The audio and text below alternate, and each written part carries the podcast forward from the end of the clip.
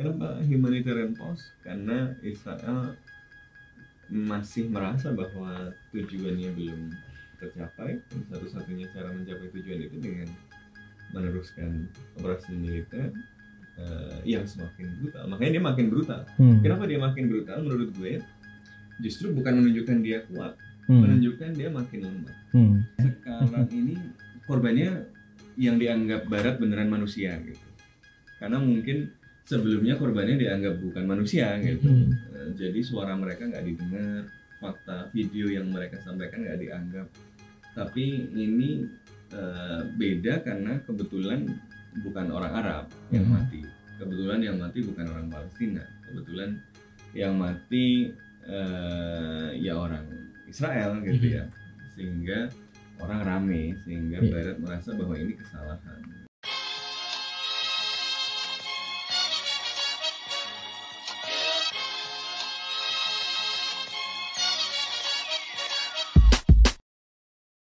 Selamat datang kembali di podcast Bebas Aktif season 3 episode ke-18 Eh, Hari ini gue bersama Hanif, Sofwan Dan satu lagi juga ada eh, Mas Syauki Yang kayaknya kalau Mas Syauki ini kira-kira kita tahu lah mau ngomongin apa Yakni eh, Tukang, tukang boykot. tukang boykot. Tukang boykot. Boykot ini, boykot itu waduh. Kalau- kemanusiaan. Demi kemanusiaan, bagus Malu. Ya. Jadi eh, ya sebelum itu jangan lupa untuk follow sosial media kontekstual. Kita ada di Instagram, eh, Twitter, TikTok dan juga tentu saja YouTube. Di mana sebagian dari teman-teman menonton podcast ini. Jadi eh, kurang lebih dua bulan yang lalu ya kita udah podcast sama Mas Syauki juga. Itu kita bahas tentang Bukan boykot. bukan boykot. Kita bahas tentang konflik eh, Israel dan Hamas. Eh, dan sekarang kayaknya dua bulan kemudian itu sudah banyak eh, perkembangan baru. Mulai dari sempat ada ceasefire, kemudian juga sempat ada perkembangan baru di PBB. Nah itu yang kemudian eh, kayaknya teman-teman perlu tahu gitu karena banyak dari perkembangannya terjadi sangat dinamis gitu di baik di on the groundnya di level antara eh, pasukan Israel dan Hamasnya itu sendiri ataupun dalam uh, dinamika internasionalnya. Nah, kira-kira kalau secara garis besar nih ada perkembangan apa aja sih yang kira-kira bakal kita bahas di episode ini? Ya, jadi kalau akhir-akhir ini eh sempat ada pemerintahan kan kalau eh, Israel dan Palestina bersepakat untuk melakukan ceasefire selama eh, tujuh hari dan ceasefire kemudian berakhir. Lalu ada yang mengsubmit resolusi di UNSC. Sayangnya resolusi ini diveto oleh Amerika Serikat meskipun hampir semua anggota tidak tetap dan tetap itu menyetujuinya. Security Council ya. Iya, Nah, mungkin kecuali Inggris doang ya. Karena Inggris, tuh absen. Amerika Ya. veto. Amerika memveto karena veto tersebut gagal akhirnya ada negara yang mengsubmit uh, resolusi lagi di UNGA Hmm. jadi itu adalah mekanisme untuk uh, uh, memastikan adanya tindakan bagi bagi apa Ya, bagi jadi- Israel itu Jadi sendiri beda forum dari di Security Betul. Council Hmm. jadi ke General Assembly. Iya, dan betul. Sekjen PBB menggunakan itu Artikel, kan, artikel 99 ya. 90. Nah, itu nanti kita Iya. bahas juga. Kemudian kemudian terakhir ada masalah uh, soal serangan Houthi terhadap kapal-kapal Israel yang beredar di Laut Merah Benar, ya yang paling baru ada serangan Houthi dan juga ada serangan Israel terhadap hostagesnya sendiri. gitu iya kan, betul Yang seharusnya dibebaskan. Heeh. Nah, mungkin kita dari awal dulu ya, karena yang paling uh, awal bukan awal, paling jauh dari tanggal sekarang itu kan ceasefire ya, yang itu dia ada di akhir November kemarin. Awalnya empat hari, tapi kemudian di extend jadi tujuh hari. Hmm. Nah, mungkin dari bentuknya aja kita sebenarnya udah bingung gitu nih, karena ini katanya temporary ceasefire Hmm. empat hari. Nah, Ya, kenapa? bukan ceasefire kan Humanitarian Ceasefire. pause. Pause, humanitarian gitu. pause. Oh, iya. Humanitarian Hmm. pause. bunuhnya berhenti dulu Iya. gitu kan Hmm. pause Ya dulu. semua jadi manusia dulu. Sebentar. Baru dilanjutin lagi Kebinatangannya dilanjutin Nah. lagi.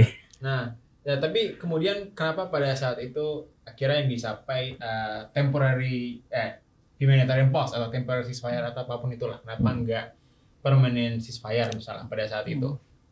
Karena Israelnya reluctant eh, buat mencapai target-target politik dan militernya kan. Hmm. Apalagi kalau misalnya lihat publik Israel sendiri, waktu itu kan nggak ada sama sekali pencapaian, sama sekali nggak ada. Hmm. Terus satu mungkin ada tuh satu hostage yang dibebasin Hamas karena ini ya apa udah sepuh dua atau satu kan sebelum humanitarian Israel ada pause gitu. udah dan itu juga inisiatif Hamas lah maksudnya ya apa nggak usah di nggak nggak jadi kartu itu nggak terlalu naik lah gitu Oke. Nah, kemudian karena itulah didorong, didorong sama eh, Amerika Serikat dan para mediator lain, akhirnya jadi ada humanitarian pause itu. Dan kenapa pause ya? Karena Israel masih reluctant kalau ini berhenti gitu. Karena waktu itu gak terbayang oleh Israel bahwa dengan ada ceasefire permanen maka akan ada solusi buat masalah hostages. Mhm. Gak, ada gak ada bayangan karena menurut mereka solusi satu-satunya ya hancurkan Hamas, hostages bebas gitu kan. Oke. Ya apa Ya, kalau dia peduli sama hostages kalau dia Ya. peduli sama hostages gitu kan. Dan apa dalam bayangan mereka menurut mereka tuh dalam benak mereka tuh nggak ada tuh bayangan ceasefire permanen akan membebaskan hostages sama sekali gitu.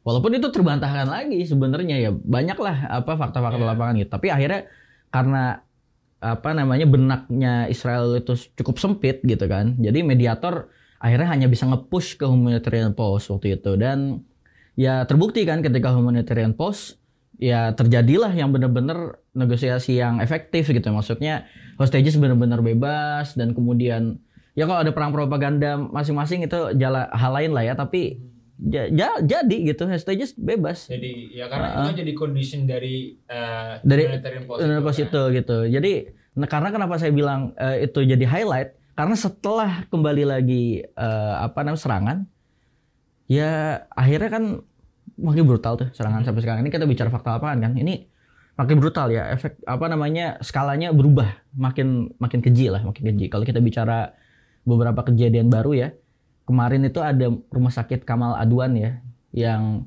dia itu kan tempat mengungsi ya kemudian dia di bulldozer Iya, sama mayatnya dan orang Sama yang mayatnya. masih hidup dan orang yang masih hidup di bulldozer sampai eh, meninggal dan terkubur hidup-hidup. Ini kan nggak, Tapi ini sebenarnya bukan yang pertama kan. Nah, ini bukan Karena pertama. Corey, warga negara Amerika Serikat, itu kan juga Iya. di bulldozer hidup. Dengan cara yang sama. yang lalu kan. bertahun-tahun Nah, yang lalu. Dan setelah itu dirayakan dengan apa?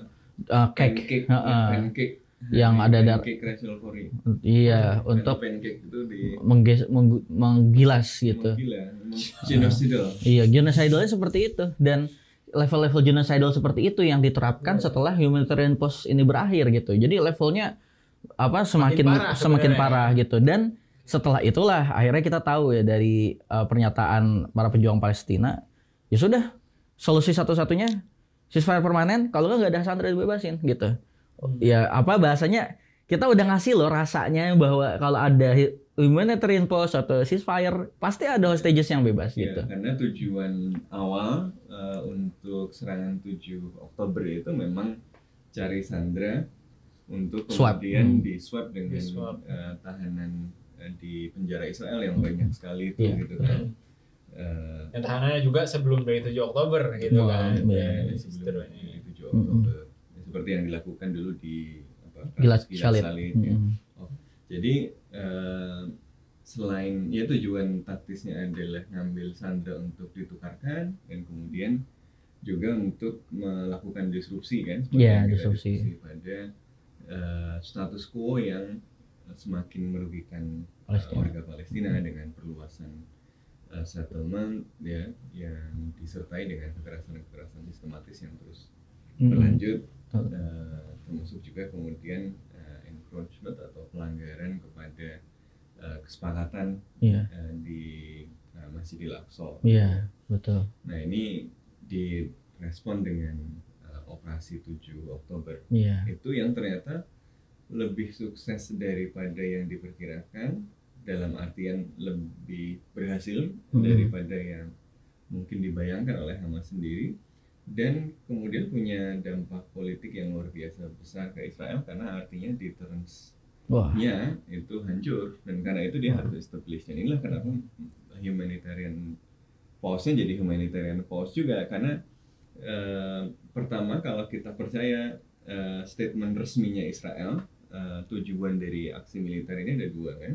Pertama adalah dismantling Hamas Ya. eh, Capacity. capacity, eh, baik militer maupun governing capacity.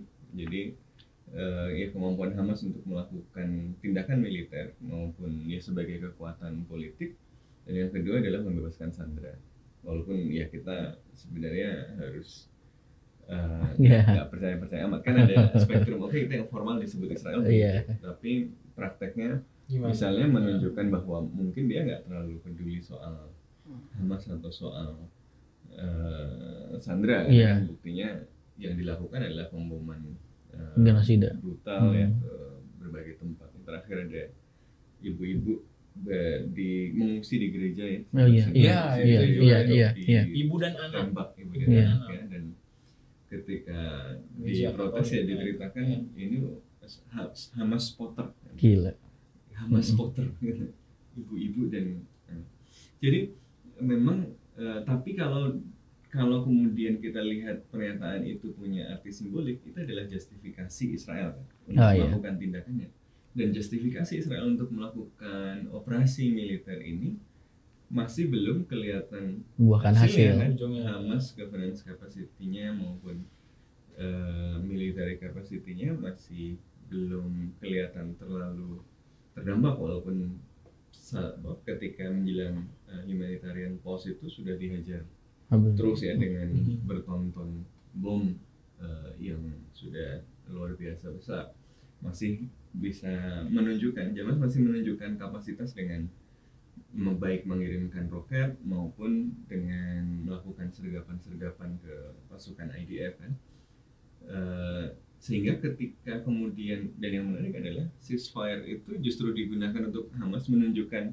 kita ini nggak apa ya secara Iya. militer nggak apa Israel itu cuma bisa bunuh anak-anak dan perempuan doang karena ketika terjadi SWAT itu kan ada pameran malah Hamas show of force ya dia muncul tiba-tiba Iya. eh, di tengah-tengah itu dengan parade militer Iya, sambil iya. ngeluarin Nah. eh, apa Dan warga gak nimpukin. itu, dan Wah, warga Justru tidak nyambut. tidak merespon itu dengan negatif gitu kan Hmm. jadi eh, tujuan dismantling Hamasnya ceasefire itu kelihatan ternyata kok enggak ya Iya, Ya. iya, Eh, ternyata menghajar warga Palestina sampai mereka menyalahkan Hamas itu nggak jalan nggak gitu ya. tercapai. terus yang yang military capacity-nya masih ada dan malah di dalam negeri Israel apa Netanyahu terutama dikritik habis kan Iya. karena ya menunjukkan bahwa dia nggak bisa melakukan pekerjaannya dengan benar Hmm. nggak perlu nunggu perang selesai turun kau gitu kan Iya. Jadi ada banyak eh, rame itu baik dari yang menghendaki tindakan lebih keras maupun yang menghendaki negosiasi jadi eh, apa ya situasi politiknya itu malah justru memang tujuan ya objektifnya nggak tercapai eh, eh, objektif yang secara formal diumumkan nggak tercapai objektif yang tidak secara formal tapi dicurigai dilakukan yaitu Iya. melakukan strategi odol gitu ya dipencet Hmm. supaya keluar ke eh, Sinai gitu Iya. Ya, odol tuh dipencet odol. biar pergi semua keluar Hmm. Iya, iya. ternyata nggak jalan karena tetangga tetangganya juga nggak mau kan Iya. Jordan eh, Mesir eh, dan sekutu-sekutu biasanya jadi sekutunya Israel aja Nah, tetap. ini udah gede banget nih Iya. lu keterlaluan banget nih ini eh, level red line yang bahkan gue nggak bisa gue kooperasi. benci sama Hamas gitu ya Nah. si sekutu-sekutu Timur Tengahnya ini tapi gue nggak bisa apa ya nggak bisa mendukung lo Hmm, karena iya. gue akan dihabisi rakyat gue sendiri lah kira-kira Iya. gitu kan bahkan ini kan terakhir ini Uni apa eh, Uni Emirat Arab loh yang nyponsori apa eh, rekomendasi untuk apa resolusi eh, Oh PBB iya, yang iya, masih ditunda-tunda terus ini iya. Karena ini gimana caranya biar Amerika Serikat nggak veto itu kan menunjukkan bahwa Israel itu sedang mengalienasi semakin mengalienasi Hmm. dirinya sendiri dengan praktik perangnya yang semakin brutal tadi jadi strategically Israel is lost Iya. Ya. Setuju Eh, banget. bahwa secara war mungkin menang karena ya Casualties. aja dari Hmm. segi jumlah orang aja tentara IDF itu 120 ribuan ditambah reservis 400 ribuan Hamas itu cuma punya 15 ribu sampai Iya. 20 ribu gitu kan Iya. maksudnya ya dari Iya. hitungan jumlah orang aja ya. kalah Iya. itu belum asimetri senjatanya yang Mm-mm. yang satu para pakai paraglider yang satu F16 Iya. pakai bom bom yang luar biasa itu kan memang timpang jadi Timpang. maksudnya kalau menang pun nggak ada yang kagum Enggak, gitu enggak, Hmm. enggak. ya ya Eh, nggak wajar gitu wajar. Apa Malah Iya, aneh kalau kalah. bisa bilang Iya. nggak, eh, kalah mau malu-maluin kalau Iya. kalah. Dan ternyata belum menang gitu loh Iya, belum menang. Jadi kan apa ini eh, kemudian membuat ya Netanyahu itu point of no return gue udah mulai perang ini Hmm. eh, political survival gue tergantung pada perang ini dan gue punya capaian jadi eh, ceasefire kemarin masalahnya nggak bisa diklaim sebagai capaian iya. karena Hamasnya malah malah show of force yang bisa dilihat oleh semua orang Cuma dia nunjukin kewajiban dia buat ngembaliin Ya, stages. Di dalam kan kritiknya adalah eh, bahwa Netanyahu itu menari di atas eh, tarian, oh di atas gendangnya Yahya Sinwar yang sampai sekarang belum ketahuan juga di mana-mana. Iya. Eh, jadi ya memang kemudian eh, Netanyahu memilih untuk melanjutkan ini nggak mau damai karena ya Point of no return. point of no return dan saya punya dan dia percaya bahwa dengan senjata itu dia bisa menghabisi Hamas. Nah ini ini masalahnya gitu kan penggunaan Iya, iya. senjata itu harus apa, dia lakukan dengan sangat tidak proporsional dan karena itu justru kemudian memunculkan tekanan-tekanan dari sekutu-sekutunya gitu kan Hmm. jadi isolasi jadi isolasi di kawasan pendukungnya makin lama makin berkurang ini kan Hmm. tinggal Amerika Serikat aja tuh Iya. Iya Dan- sebenarnya. ha. dan Yang lain juga dan- udah back down gitu. dan ya. Iya. Amerika Serikat Prancis sudah bilang Prancis. soal Wah. Prancis fire. Udah kayak kita lah. Nah, Paling sama Jerman lah ya. Abstain terus gitu Eh, sekarang. iya. Amerika Serikat eh, tinggal ya faktornya sangat personal mungkin ya Biden karena Hmm. Iya, iya. Biden Ternyata Biden cukup ini ya eh, sama Zionis ya dari Iya. tahun 80-an Ah, gitu. ah. Udah udah kok udah Yang dari dulu. sampai membuat orang-orang di dalam State Department itu kan eh, dan internnya. White House aja udah pada pada "Oh, protes. Iya. it doesn't make sense kan ada Iya. Ini gak sustain nih. yang mengundurkan diri siapa Josh Paul ya Oh iya, Itu. salah satu staffnya tuh. cerita Ya. soal Hmm. apa bagaimana pemberian senjatanya eh, tidak melewati proses yang benar. Benar-benar gak sustain. Jadi ini eh, nggak sesuai rencana gitu ya. Yang kemudian karena dia nggak tahu mau ngapain, yang dia punya senjata hajar terus. Gitu. Iya. Setidaknya mengapis kelompok ekstrimnya mungkin. Iya. Tapi ya kecil lah itu mah. Ya, Dia udah gak punya pilihan lain. Harganya adalah ya kemanusiaan. Nah, harganya kemanusiaan. Kemanusiaan. Strategiknya nggak dapat, tapi ya memang kemudian pembantaiannya menjadi semakin Hmm. brutal. Tapi pembantaian yang semakin brutal dan dilihat oleh dunia itu kan juga eh, Cost juga. itu strategic cost tidak hanya untuk Israel, tapi Hmm. untuk Amerika Serikat Iya. dan sekutunya yang sedang dalam kompetisi Pengaruh. global kan, Iya, dalam dunia yang lagi Politics juga ya. ngapain lu belain penjahat terus lu diasosiasikan dengan kejahatan itu eh, yang ya membuat anda tidak lagi terlalu menarik Hmm. dan ini juga membuat rezim-rezim Arab kalah prestis sekarang sama Houthi ya Iya, iya. Iya. Wah, Berani ngelawan. ini orang-orang dari kampung dari kampung apa-apa, nggak kampung kampung gunung Yaman. ini kan sebenarnya bukan Yaman yang resmi ini Houthi ini Iya. kan pemberontak yang menguasai wilayah utara gitu ya. Akhirnya infrastruktur megang semua mereka infrastruktur Jadi, militer. kemudian mengklaim sebagai yang Eh, resmi eh, gitu iya. ya walaupun masih ada pemerintah resmi yang diakui PBB Tapi Ya, exile, ya. Eh, exile dia. Iya. nah ini Houthi kan malah jadi punya legitimasi gitu ya Iya. jadi ya tadi kenapa humanitarian pause karena Israel masih merasa bahwa tujuannya belum tercapai dan satu-satunya cara mencapai tujuan itu dengan meneruskan operasi militer eh, yang semakin brutal makanya dia makin brutal Hmm. kenapa dia makin brutal menurut gue justru bukan menunjukkan dia kuat Hmm. menunjukkan dia makin lemah Hmm. Hmm. karena dan dia balapan sama waktu juga kan Iya. dia eh, harus menunjukkan bahwa dia menang dia ada achievement Hmm. sam- eh, sebelum pemilu Amerika Serikat kan. Iya. Biden kan juga se Was-was. Kampanye dia, mulai Ya. kehilangan suara-suara. dia Betul. Suara dari muslim. juga gitu. Muslim Jadi, atau ini. progresif? Progresif kabarnya juga. kan Biden memberikan waktu sampai Januari kan Hmm. Oh. Jadi- Karena di situ lah kampanye mulai. Ya, jadi dia harus balapan kalau nggak bisa ya ya jatuhkan semangatnya sama Amerika Serikat dikasih juga bom banyak kan gitu. Iya. Lu kerjain Jambon. tugas lu habisin sekarang. Tapi jangan sampai bulan Januari lah kira-kira gitu. Nah, ini kan Ya. kemudian eh, memang jadi makin brutal Eh, tapi pertanyaannya kemudian apakah efektif?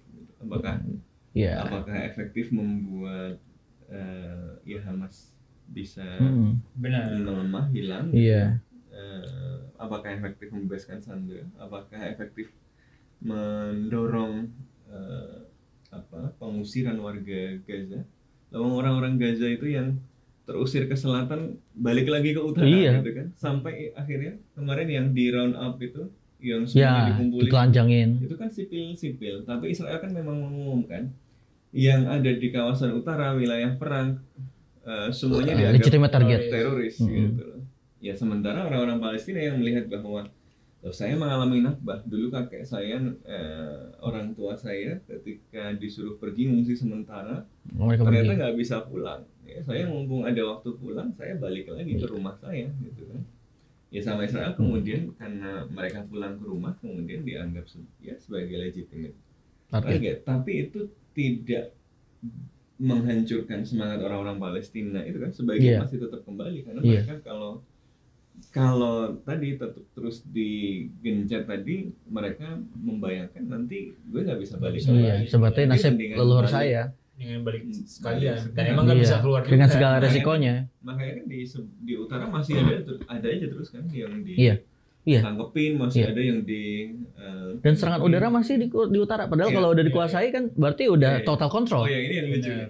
Eh, apa Enggak, Eh, eh, Hmm. Israel tuh berkali-kali mau menyampaikan kita mengu- baru saja menguasai Bait Hanun Eh, kita baru saja menguasai eh, total Jabalia eh. tapi berapa hari kemudian dibom lagi Jadi dikuasai Lah, ngapain ngapain dibom lagi? Heeh. Dan itu masih Iya, sampai iya. siang ini nih.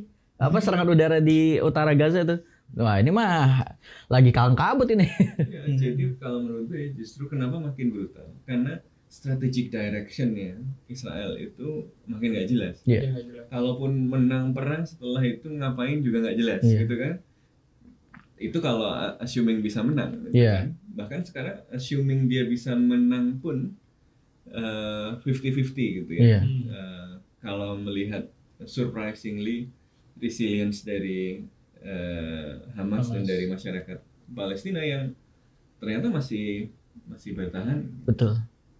ya kita nggak tahu eh, ya bahkan eh, terlalu awal misalnya untuk mengatakan bahwa asimetri ini akan akan memberikan kemenangan eh, perang gitu ya kepada Israel Wah jauh. ya bah eh, jadi kan biasanya Ya. orang orang yang eh, melakukan analisis biasanya ngomong "Ha, Israel ini sulit menang strategik tapi hampir pasti menerima bahwa Israel pasti menang perang gitu Iya. tapi kalau kita lihat perkembangannya mungkin even perang menang enggak, perangnya gitu. enggak kalau kalkul kecuali kalkulasinya dihitung dari ju- Jumlah. Casualties. jumlah orang yang mati gitu Iya ya. iya. tapi kalau kalau perang dilihat sebagai perpanjangan eh, politik dan di situ ada tujuan Tertentunya misalnya ya tujuannya belum ada yang tercapai Iya. Eh, pemimpinnya Hamas belum ada yang ketangkep Iya.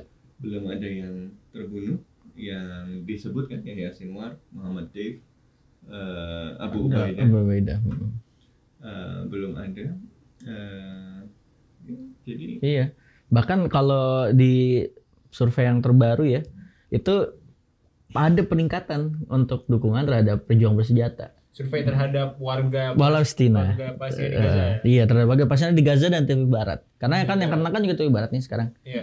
Eh tepi barat itu tingkat kekerasannya itu kan jadi brutal ya karena dia udah ada apartheid terus sekarang ada invasi militer juga operasi militer di tepi barat ya, sekarang ada bom bom juga ya dari Bom-bom serangan juga kan? di tepi barat Tadinya cuma di Gaza terus Kenapa Sekarang di juga, barat kan? juga.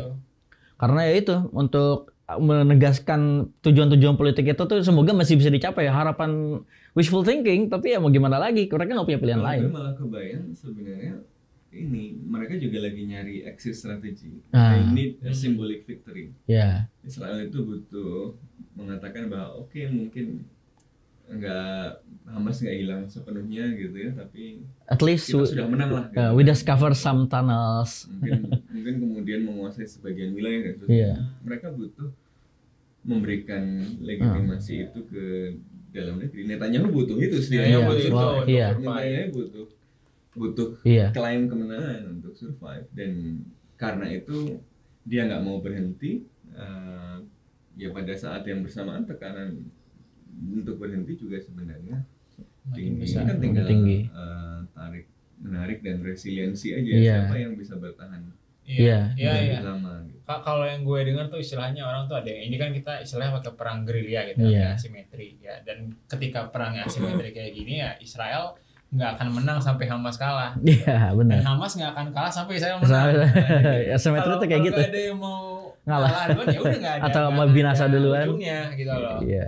Jadi emang itu yang kemudian jadi sulit dan sebenarnya jadi episode berulang juga dalam konflik Israel dan Palestina gitu kan. Cuman Iya. ya kali ini dalam Ya, dan Israel tuh unprecedented nggak pernah berhasil mencapai tujuan untuk mengeliminasi kekuatan perlawanan. Oh iya, Betul. Waktu 982 itu melakukan invasi ke Libanon. Lebanon yang sampai Reagan sendiri bilang itu genosida ini kayak Holocaust. gitu. Sekelas Reagan. sekelas Reagan yang sangat kanan aja. Se- gitu. Jadi Tapi fun fact Reagan kayak justru nggak terlalu suportif terhadap aksi-aksi rebel Israel gitu sebenarnya. Kalau baca-baca dia lebih Apa karena dia deket sama KKK enggak? simpatetik sebenarnya, tapi tetap ikut establishment US foreign policy. Iya, tapi anyway eh, Eh, Iya. ada kejadian Ada brutal kejadian, di sana kan ada Sabra Shatila, Shatila. seterusnya. Tapi tujuan eh, Israel melakukan perang itu menghabisi PLO apakah tercapai? Enggak. Wah, Nggak tercapai. 2006 dia mendeklarasikan eh, perang untuk menghabisi Hizbullah. iya. Hizbullah habis nggak 2006? Terus Sekarang masih ada. Makin kuat. Makin kuat. Gitu. Jadi banyak. eh, apa ya kalau belajar dari pengalaman-pengalaman ini ya namanya apa ya pemberontakan namanya perlawanan itu nggak habis kalau akarnya nggak habis Iya. gitu kan. Eh, jadi selama ada penindasan selama ada penjajahan itu ya perlawanannya pasti ada terus gitu. Iya. Kalau- kalaupun nanti Hamas beneran bisa habis ya Iya. ya pasti tetap ada perlawanan yang Iya, lain juga kan. jadi iya. membayangkan Hmm. di Gaza kemudian Hamas hilang kemudian ditaruh boneka di situ siapa yang mau memimpin Gaza kalau Kok- habis perang begitu iya. diasosiasikan jadi boneka Iya, Iya. udah kalau justru berbal- yang sama ah, ah. warganya sendiri Dia jadi buffer timpuk aja gitu. Iya iya iya iya. Jadi eh, emang seperti itu kan. Dan itu yang udah kita bahas juga di episode sebelumnya. Sementara itu tekanan internasional semakin banyak kan protes-protes juga kan jalan Iya. terus. Iya. dan tekanan ini kan tidak hanya tekanan soal humanitarian Iya. tekanan geopolitik Geopolitik juga makin juga. nih kenapa karena yang dihindari oleh Amerika Serikat sebenarnya kan kita dukung nih tapi jangan sampai ini meluas ke mana-mana Hmm. gitu kan tapi ini nggak bisa nggak meluas ke mana-mana Iran memang agak hati-hati gitu ya tapi Houthi Uh, Jalan. Dan gaspol. berdampak ke banyak hal kan Eh, perusahaan-perusahaan minyak itu mulai nggak lewat Kayak- lagi iya, ke langsung Mandeb kan Iya, langsung ke Dia ke Cape Town. lewat Afrika Iya, ya berdampak. Jadi yang yang itu pasti. eh, dampak ke berhari-hari kan Eh, BP Hmm. dan perusahaan-perusahaan lain Hmm, ya mungkin kita It- sekalian it- bahas it- it- aja nih ya. Iya, it- Iya. itu dampaknya udah Ini- kayak ini waktu bridging, ini bridging. itu itu dampaknya udah kayak waktu Suez macet tuh. Iya. Mirip banget.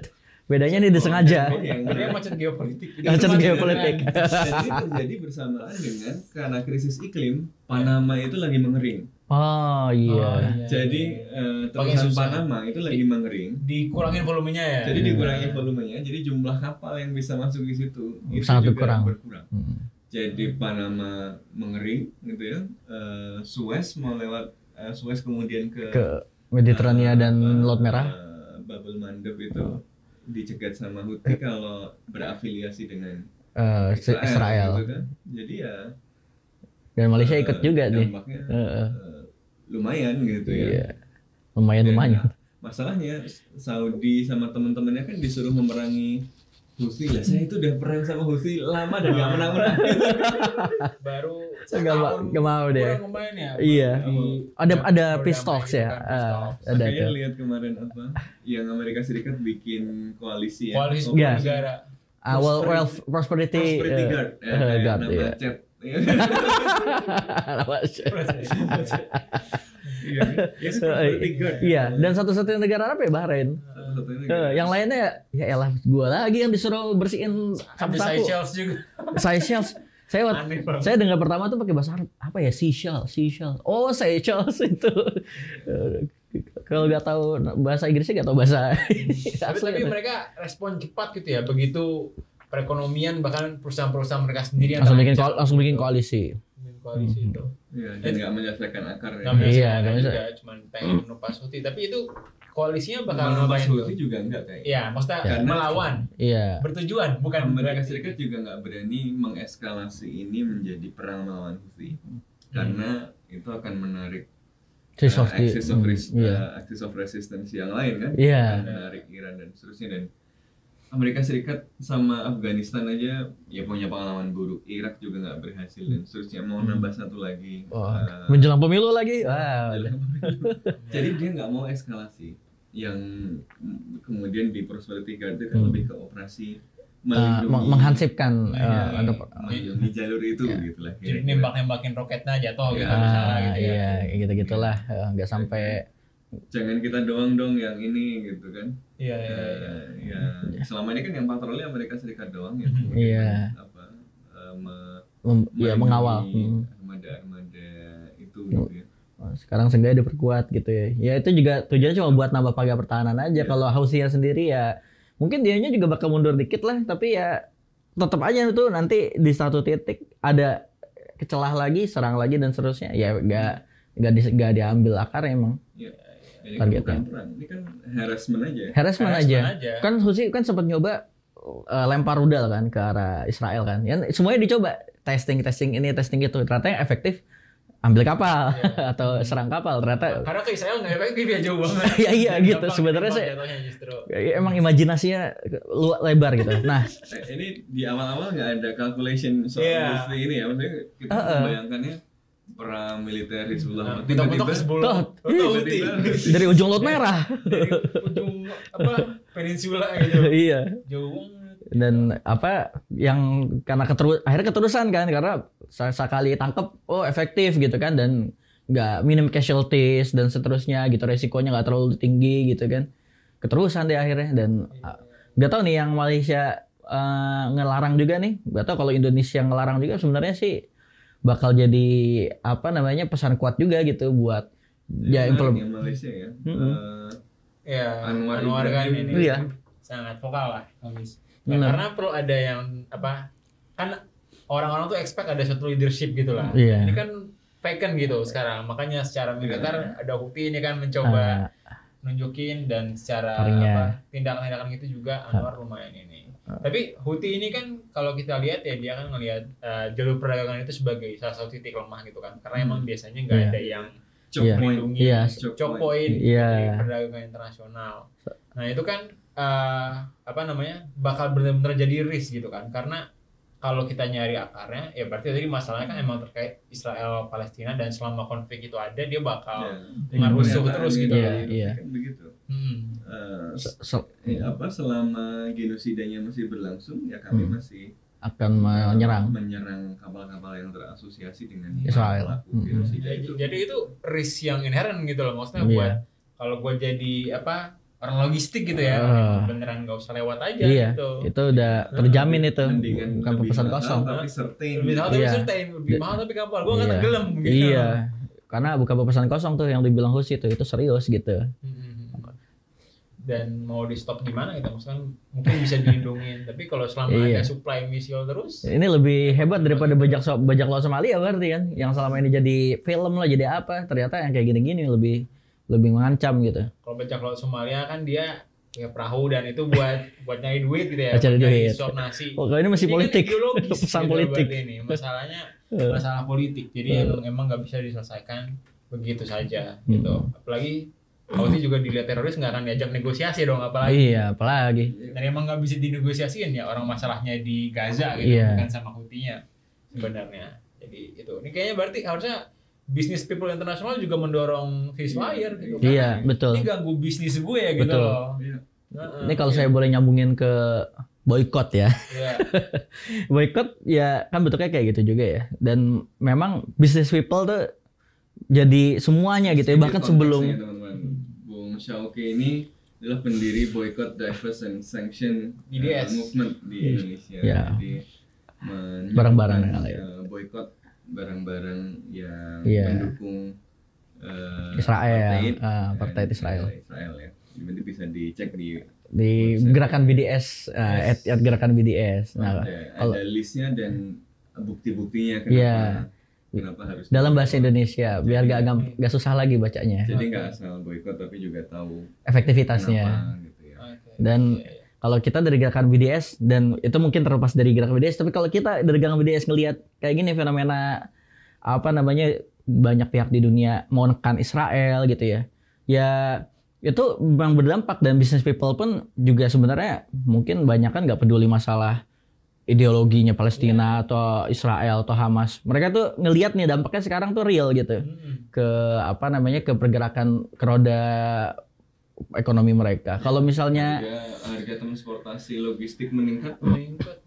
ya biaya meningkat Sales, Iya. sales turun karena boykot gitu.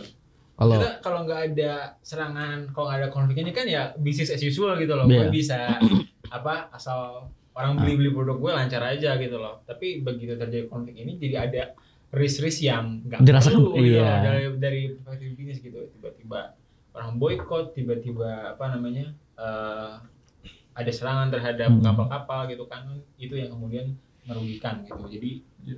emang semuanya dirugikan gitu. Cuma Iya. orang-orang pro Israel aja ini. Maka yang- dari itu, kenapa yang di Israel ini ngotot sekali gitu kan udah tahu semuanya rugi dan mereka tentunya rugi ya karena itu Ya, nggak udah punya return gitu. Jadi mungkin satu-satunya makanya kenapa kita sangat apa muak sekali ketika ada veto dan seterusnya ya karena itu sebenarnya kunci point of no return itu yang breaking point itu ada gitu ada di situan di Amerika Serikat itu gitu itu Hmm. sebenarnya ada banget kuncinya gitu kalau kata orang-orang Palestina satu telepon aja Iya.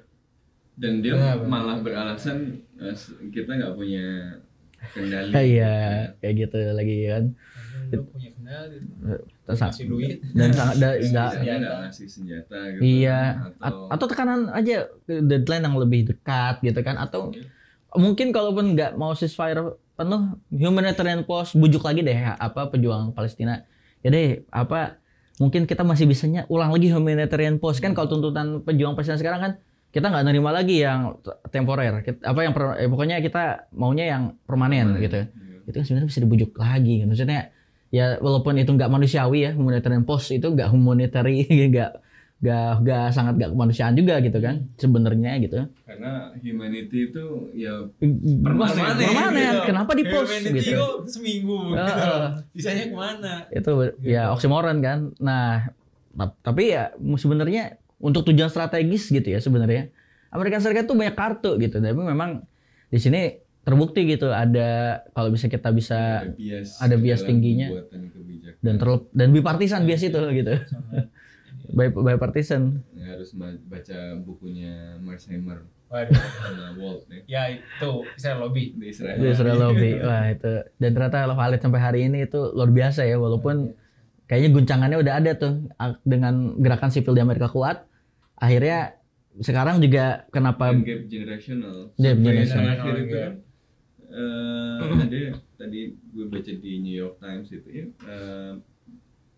mem- hampir apa ya mayoritas generasi muda kan melihat kebijakan Biden terhadap Israel eh, Enggak. Hmm, salah. iya. Bahkan apa anak muda pro Republikan pun lebih cenderung ceasefire gitu loh. Iya. 50%. karena mereka uh, nasionalis bukan internasionalis. Iya. Anti globalis kalau bahasanya. Perspektif apa pun juga lihatnya ini kan. Hmm. Kayak kalau orang-orang pro Israel tuh bilang ini bukan Gen Z. Gen H. Gen H. Generasi Generation Hamas. Hamas. Mereka nggak bisa mahamin gitu. Iya, padahal mereka aja nggak bisa gitu kan. Ka- Kalah kalah ngebujuk Gen Z malah ini bikin label baru. Iya iya. Nah, oleh karena itu kan karena biasnya tersebut Amerika masih sampai detik ini masih mendukung Israel gitu kan termasuk di PBB gitu.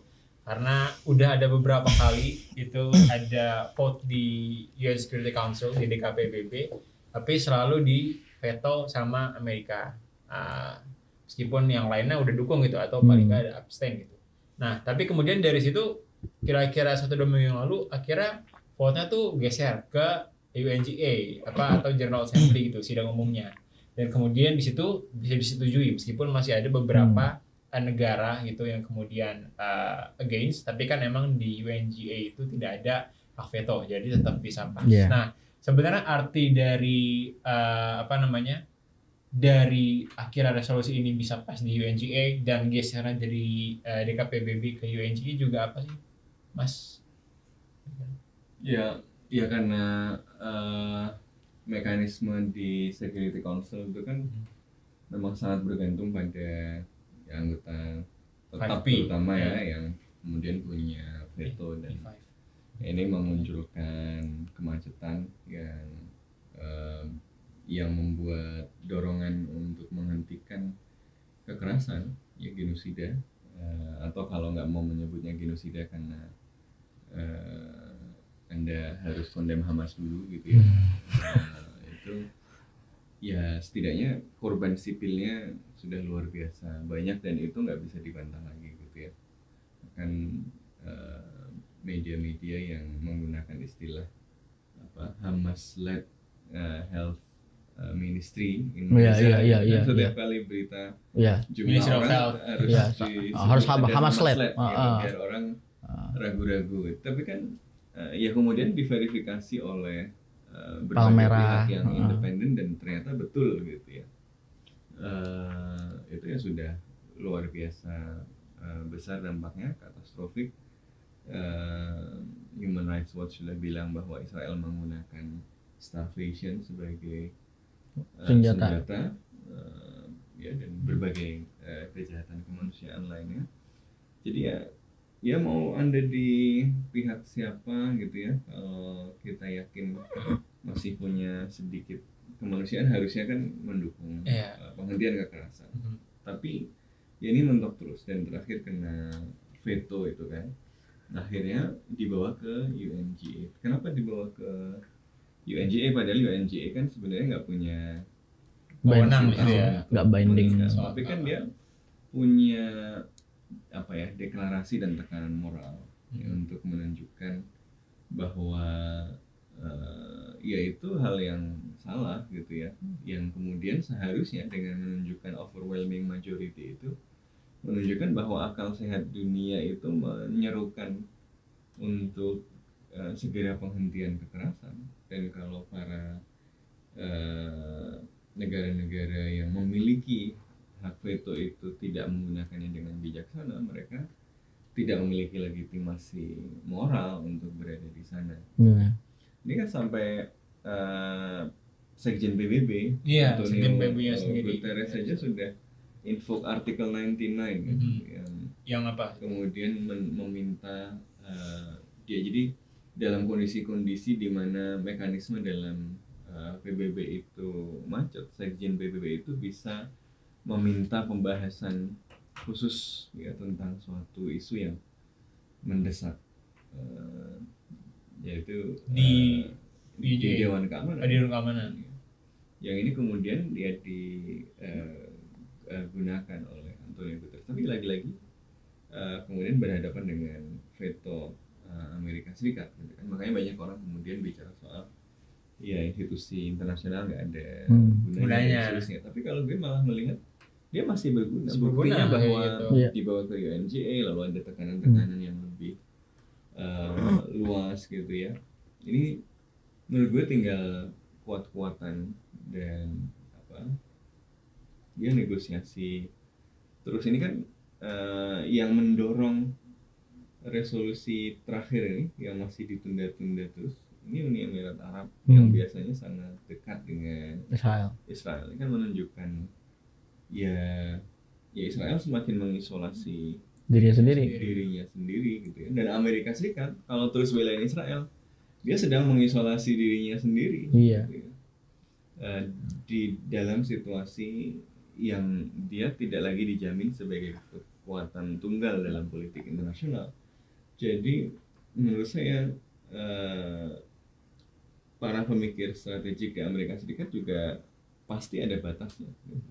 Jadi akan ya akan ada titik di mana eh, ya harus dihentikan Ya, tidak bisa mengalir lagi kegilaan ini. ini. Ini batas toleransinya sampai di mana dan waktunya kapan ini balapan sama jumlah orang yang harus Hmm. meninggal berapa gitu kan jadi problemnya itu kan how many more ya, Mm. dan when Eh, ini yang eh, menurut gue ya concern concern kita bagaimana kemudian membuat prosesnya cepat karena itu Ya. tekanannya memang nggak bisa cuma lewat mekanisme formal di. PBB Hmm. gitu kan Eh, makanya ada tekanan-tekanan non formal Lain. kan dari Hmm. luar kan kedutaan-kedutaan eh, besar Israel di eh, Tarik. Mesir ya Hmm. kan di oleh beberapa negara ya Amerika Ya. Latin kan.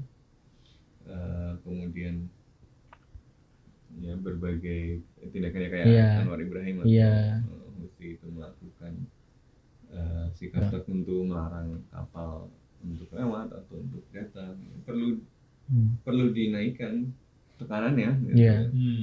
dengan berbagai Iya, cara untuk menunjukkan bahwa eh, semakin lama Amerika Serikat ini PBB itu kan kuncinya Amerika Serikat Iya. semakin lama Amerika Serikat bersikap eh, membela eh, Israel secara tidak rasional ya semakin dia terisolasi semakin rugi dia gitu ya. jadi ya kita harus tunjukkan Amerika Serikat itu rugi kalau Iya. terus bersikap seperti ini Ya, misalnya Indonesia panggil ke apa duta besar Amerika Serikat di sini kan Iya. Eh, di rumah sakit kami diapain tuh Iya. Oh, iya. kalian punya penjelasan nggak eh, kenapa itu dibom kalau kalian punya eh, alasan jelaskan dan seterusnya dan seterusnya itu gestur-gestur kayak gitu nggak langsung berdampak tetapi penting untuk Iya. mengirimkan pesan bahwa eh, anda itu sedang mengurus posisi anda sendiri loh Hmm.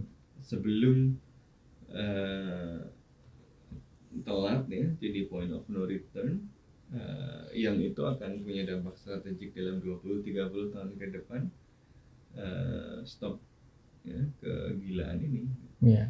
Jadi ya pesan itu harus terus dikirimkan Hmm. lewat berbagai channel gitu ya nah nanti kemudian ujungnya akan ada di PBB Iya. karena PBB itu kan eh, ya platform yang sejauh ini memang kemudian paling legitimate dengan segala kelemahannya eh, untuk kemudian memberikan eh, tekanan bagi penghentian kekerasan. Karena kalau nggak ada PBB, kapan lagi kita nggak isolasi Israel? Kayak kemarin tuh. Maksudnya forum yang benar-benar legit di situ menampilkan bentuk isolasi yang tertinggi ya kemarin tuh atau WNJ kemarin tuh. Kalau misalnya apa dengan dan apa dan bentuk itu kan nggak mungkin kecuali bucket list tuh udah dipenuhi semua kita contreng semua dan Indonesia memang harus tanggung jawab tuh bucket listnya jangan cuma yang biasa-biasa aja harus bucket list yang komprehensif semuanya gitu kalau kemarin kita ngebahas kalau buat Amerika Seri- Serikat yang di Indonesia wah itu semua harus dicontreng tuh semua tindakan tuh mulai dari dan dan tentunya bertahap tapi semua harus dicontreng gitu nggak bisa yang kayak sekarang Oh, aja iya, harus dicontohin. kalau misalnya narik dubes dan lain sebagainya atau manggil dubes gitu kan atau misalnya Iya, teguran Kalau itu. ya kalau misalnya Oh, dubes Amerika Amerika Serikat. Serikat, eh, atau misalnya eh, bahkan sampai tekanan ekonomi dan seterusnya ya ini eh, opsi-opsinya tuh ada banyak sih sebenarnya kalau misalnya ke Amerika Serikat ya. Atau kalau misalnya lebih ekstrim lagi sampai kalau misalnya ini ya yang sampai tarik dubes gitu kan. Ya kalau misalnya kita bicarain kemarin tuh atau lagi yang aksi hari kemarin itu ya apa pembicaraan kita itu sekarang udah harus ngecentreng semua bucket list gitu. Ya, semua yang bisa dicoba dicoba. Mm-mm, harus iya. Termasuk yang lebih gitu ya. iya nggak bisa pakai cara apa namanya yang biasa-biasa lagi gitu. Walaupun dengan tetap ngepertimbangin tahapan-tahapan yang ada gitu ya yang tentunya nggak mungkin langsung mutusnya hubungan diplomatik kan tapi ya tahapan-tahapan itu ada kartu-kartu itu ada gitu nggak bisa di apa ambil kartu-kartu yang biasa aja gitu kartu yang normal kayak hari biasa memang harus ke Amerika Serikat. Gitu. Apa ah, iya tuh tekanan besarnya tuh ya Amerika Serikat ini untuk yang kata, yang kayak tadi kata tadi itu mempercepat eh, proses itu di komunitas internasional. Iya. Karena kejahatan yang dilakukan ini nggak mungkin terjadi tanpa dukungan militer dan Mhm. macam-macam dari Amerika Serikat kan. Karena ya senjatanya kan supply-nya eh, dari Amerika Serikat. Ya, ya, ya harusnya Hmm. kali Jokowi kalau ngomong soal Palestina ke Biden nggak jangan mau dialihin topiknya gitu ya. Iya kalau bisa kayak gitu. Karena kan itu- Kalau bisa agak-agak lebih galak dikit lebih bagus gitu karena ini kan waktu itu let it slide doang. Iya, Di- eh. digeser ke lingkungan. Padahal Greta juga menyebut iya eh, genosida Gaza adalah isu lingkungan. Nah, ngebuat lingkungan nggak sustain jadi lagi. Pak Jokowi harus baca tulisannya Greta Thunberg iya. Benar-benar jangan apa mikir financing iklim aja tapi tidak soal keadilan juga. Iya. Hmm. Ya tapi kan tadi ya kita sikap di PBB itu tetap penting karena itu yang kemudian buat jelas ya sikap di Iya. dunia internasional itu kayak apa gitu. Karena kalau nggak ada PBB nggak ada sikap dunia, gitu. nggak jelas kita moral standing dunia itu nggak jelas. Tapi kalau eh, misalnya di eh, UNJ itu berarti nggak nggak nggak carry the same weight sama DKPBB gitu kan tentu misalnya. beda tapi kan Beda. ada ada kondisi eh, khusus di mana UNGA sebenarnya bisa eh, membuat resolusi yang kemudian bisa acted upon gitu kan Hmm. Eh, Ya, kayak DKPBB kan kalau ada resolusi misalnya bisa intervensi gitu Hmm. kan. jadi ada kondisi di mana resolusi ini sebenarnya bisa di carry juga untuk melakukan intervensi dalam kasus-kasus khusus gitu. Hmm. masalahnya ada yang berani nggak kalau Amerika Serikat masih begitu yang berani ngelawan Amerika Serikat juga siapa gitu kan Hmm. Ya, jadi lebih ke memberikan tekanan kepada eh, anggota anggota tetap sih daripada nggak ada yang mau mengambil risiko kan misalnya kita intervensi sekarang Iya. siapa yang berani melakukan intervensi langsung sekarang ke Israel Palestina dan itu berarti berhadapan dengan Amerika Serikat Benar. ya ya sulit gitu Iya. jadi interven tapi ada kemungkinan misalnya eh, mungkin bukan intervensi untuk menghentikan kekerasan tapi misalnya intervensi dalam arti pengiriman bantuan kemanusiaan gitu Bisa ya juga tuh. walaupun Hmm. tentu ada risiko dianggap ancaman terus ditembakin kayak dihajar. marah-marah itu Hmm. tapi kalau dia dapat legitimasi dari komunitas internasional jadi keputusan UNGA kemudian UNGA misalnya memutuskan tidak boleh ada Pembatasan. bagi bantuan eh, kemanusiaan lalu Hmm. bantuan kemanusiaan ratusan negara datang bersamaan kan Israel ngebom juga Bingung. Ah, ragu. resiko tinggi, Jadi iya. intervensinya Hmm. mungkin bukan intervensi perang gitu ya Hmm. tapi misalnya bareng-bareng kirim rumah sakit apung gitu kan Iya. Eh, bareng-bareng kirim bantuan pangan gitu. Eh, kalau itu dilakukan puluhan negara, apa ya Israel mau perang terbuka dengan seluruh dunia gitu. Hmm. Iya. Eh, jadi eh, saya kira ada juga mekanisme yang bisa dicoba di eh, UNGA gitu ya. Kalau Nah kalau ini bolanya ada di kita justru. Iya. Iya. Justru bolanya bo- kalau kan orang ah, juga tetap ngelihat sama Amerika Serikat. Iya. Amerika Serikat marah sama gue enggak? Iya, iya, iya, iya. Ditarik, nanti Iya. kerjasama dicabut. nanti di absen ya siapa nih yang ke perbatasan Gaza ya di absen semua sama Jadi- Amerika. ya, jadi orang masih- iya, agak mikir juga sih. masih sama-sama mikir tapi ah. karena itu memang ujungnya ya ke lowest common denominator minimal jadi tekanan moral Iya, Moral. minimal banget itu, udah minimal banget. ya cuma memang ya tadi eh, situasi on the ground makin tidak pasti Iya. justru karena justru karena tujuan-tujuannya belum tercapai ini makin brutal Iya. karena makin brutal makin uncertain. Iya. hasilnya itu makin uncertain.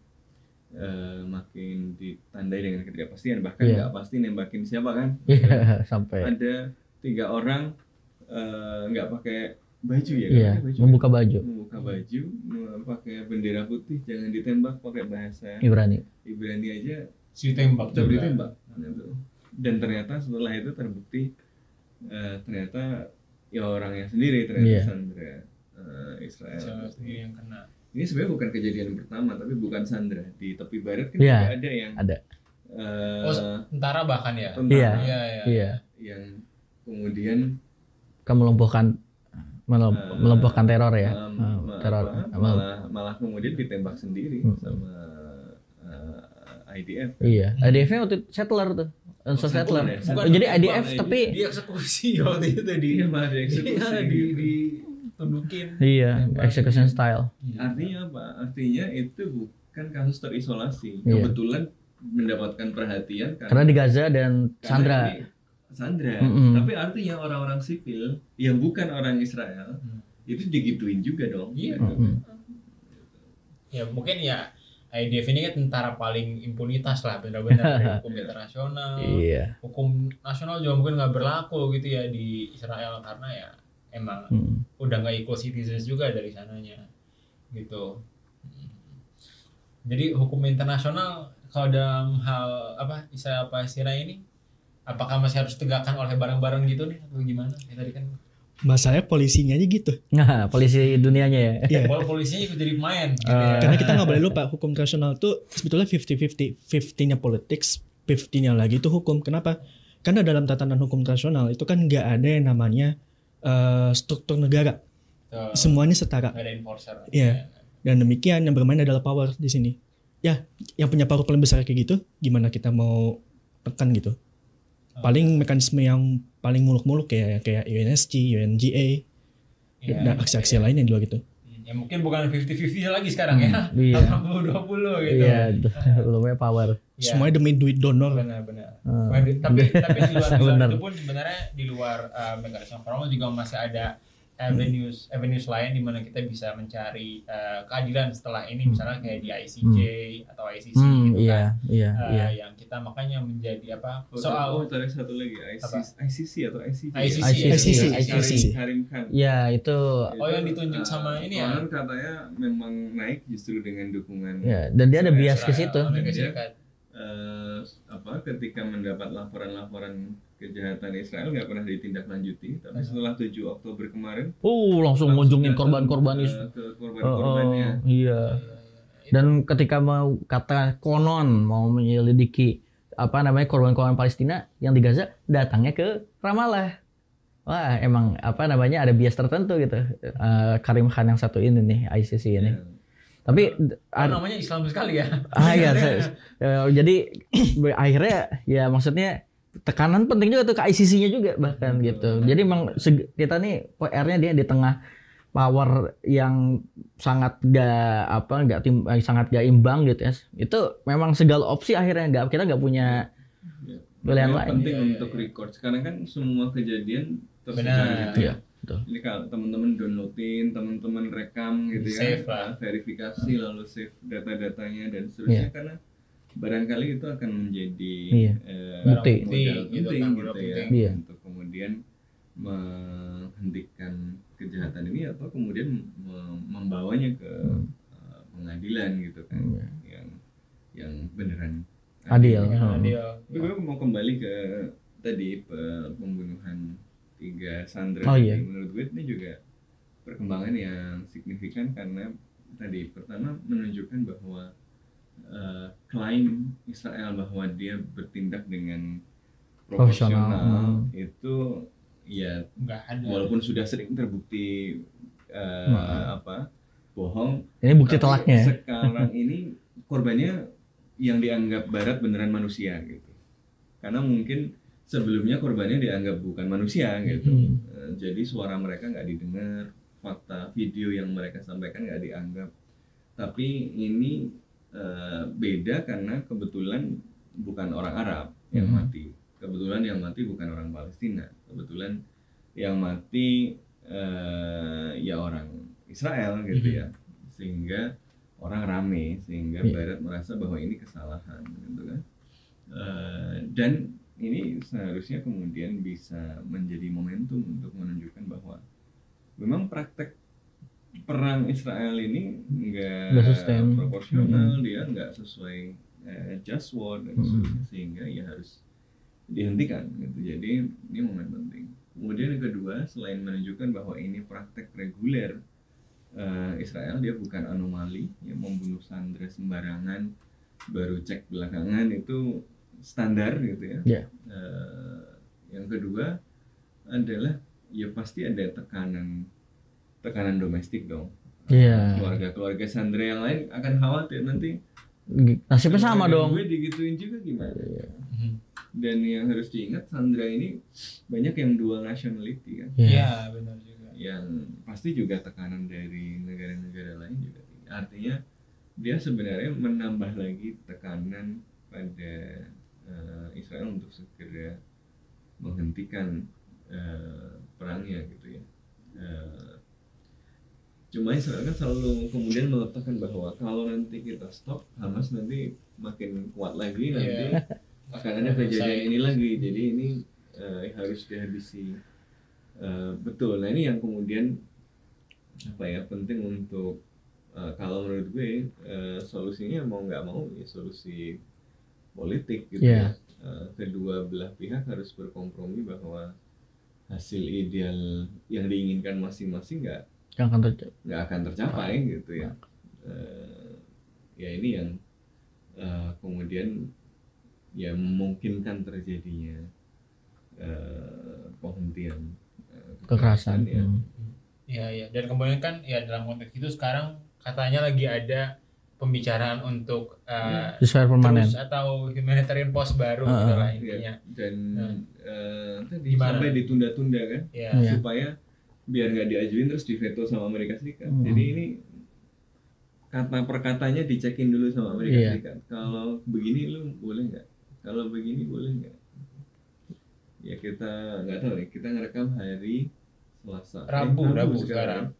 Jadi kita lihat nanti pas naik udah Udah ada ceasefire baru udah atau jadi atau belum? gitu ya. Dan- Dan udah disepakati kata-kata wording atau belum ya? Mungkin ya jelek sih kedengaran tapi kan orang kan juga di barat katanya banyak yang nggak mau nyelenggarain Natal gitu kan karena yang nggak nggak rasa Iya. enak rasanya untuk Nggak- ber, ber, Gak, gak rasa festif. nggak merasa festif gitu loh Nataru Mm-mm. tahun ini gitu kan ya karena kita nggak kita nggak semuanya merasakan itu justru bahkan uh, Dan bahkan kalau orang Katolik kalau ngedengar kata seri paus bisa jadi Iya. akan lebih tersayat lagi. benar Karena kan yang kemarin tuh yang gereja Katolik kan ya. iya Itu, itu kan pernyataannya hampir seragam tuh, baik dari paus, seri paus sih mungkin nggak nggak spesifik nyebut ya.